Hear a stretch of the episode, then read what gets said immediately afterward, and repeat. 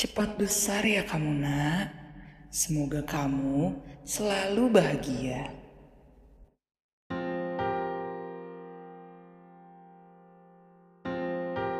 Dari kecil, kita sering mendengar cara menjadi anak yang baik, anak yang sukses, anak yang pintar.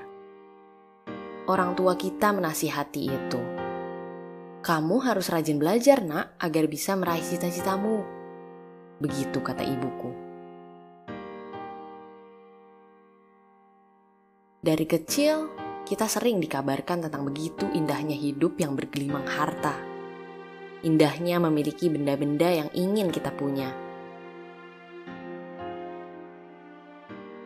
Kamu harus seperti dia agar bisa bikin kami bangga.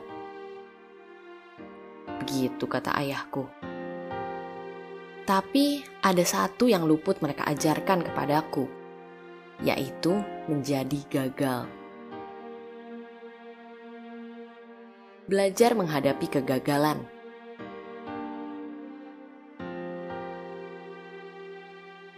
Persoalan meraih cita-cita tidak melulu soal menjadi rajin, menjadi gigih, dan bekerja begitu kerasnya. Banyak faktor yang sulit diterjemahkan dengan kata-kata. Buktinya, teman-temanku di luar sana bisa dikatakanlah beruntung akan hidupnya. Mereka percaya diri atas jalan yang telah dipilih. Apakah ini faktor didikan orang tua? Kurasa orang tua mereka juga sama sepertiku, punya ekspektasi tinggi terhadap anaknya. Waktu bergulir, dunia tidak seelok apa yang mereka bilang. Sekarang saja, banyak sarjana yang menganggur, banyak teman-teman seusiaku yang merasa salah jurusan. Belum lagi zaman bergerak begitu cepatnya, seperti sulit diterka. Ketakutan untuk beranjak dewasa berkumandang di mana-mana. Generasi aku dibilang generasi yang mudah bingung karena banyaknya pilihan yang disaji di depan mata. Siap tidak siap, kelak aku akan melewatinya.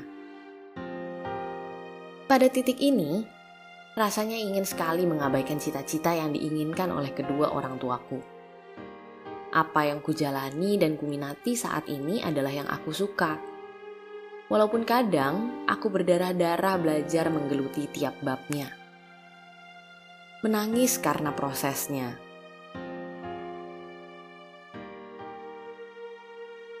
Tapi aku sungguh siap. Sangat-sangat siap jika pada akhirnya aku gagal lagi dalam urusan ini. Kuharap kalian berdua menghormati cita-cita yang telah aku pilih. Larang aku secukupnya, ingatkan aku seperlunya. Toh pada akhirnya kalian hanya ingin aku meraih cita-cita dan bisa sukses. Iya, aku tahu belum sekarang waktunya, tapi akan kubuktikan suatu hari.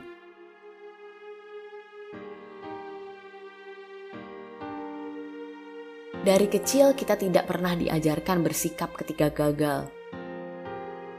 Ketika menjalani mimpi ini, aku sudah siap dan bertindak ketika kegagalan menerpa.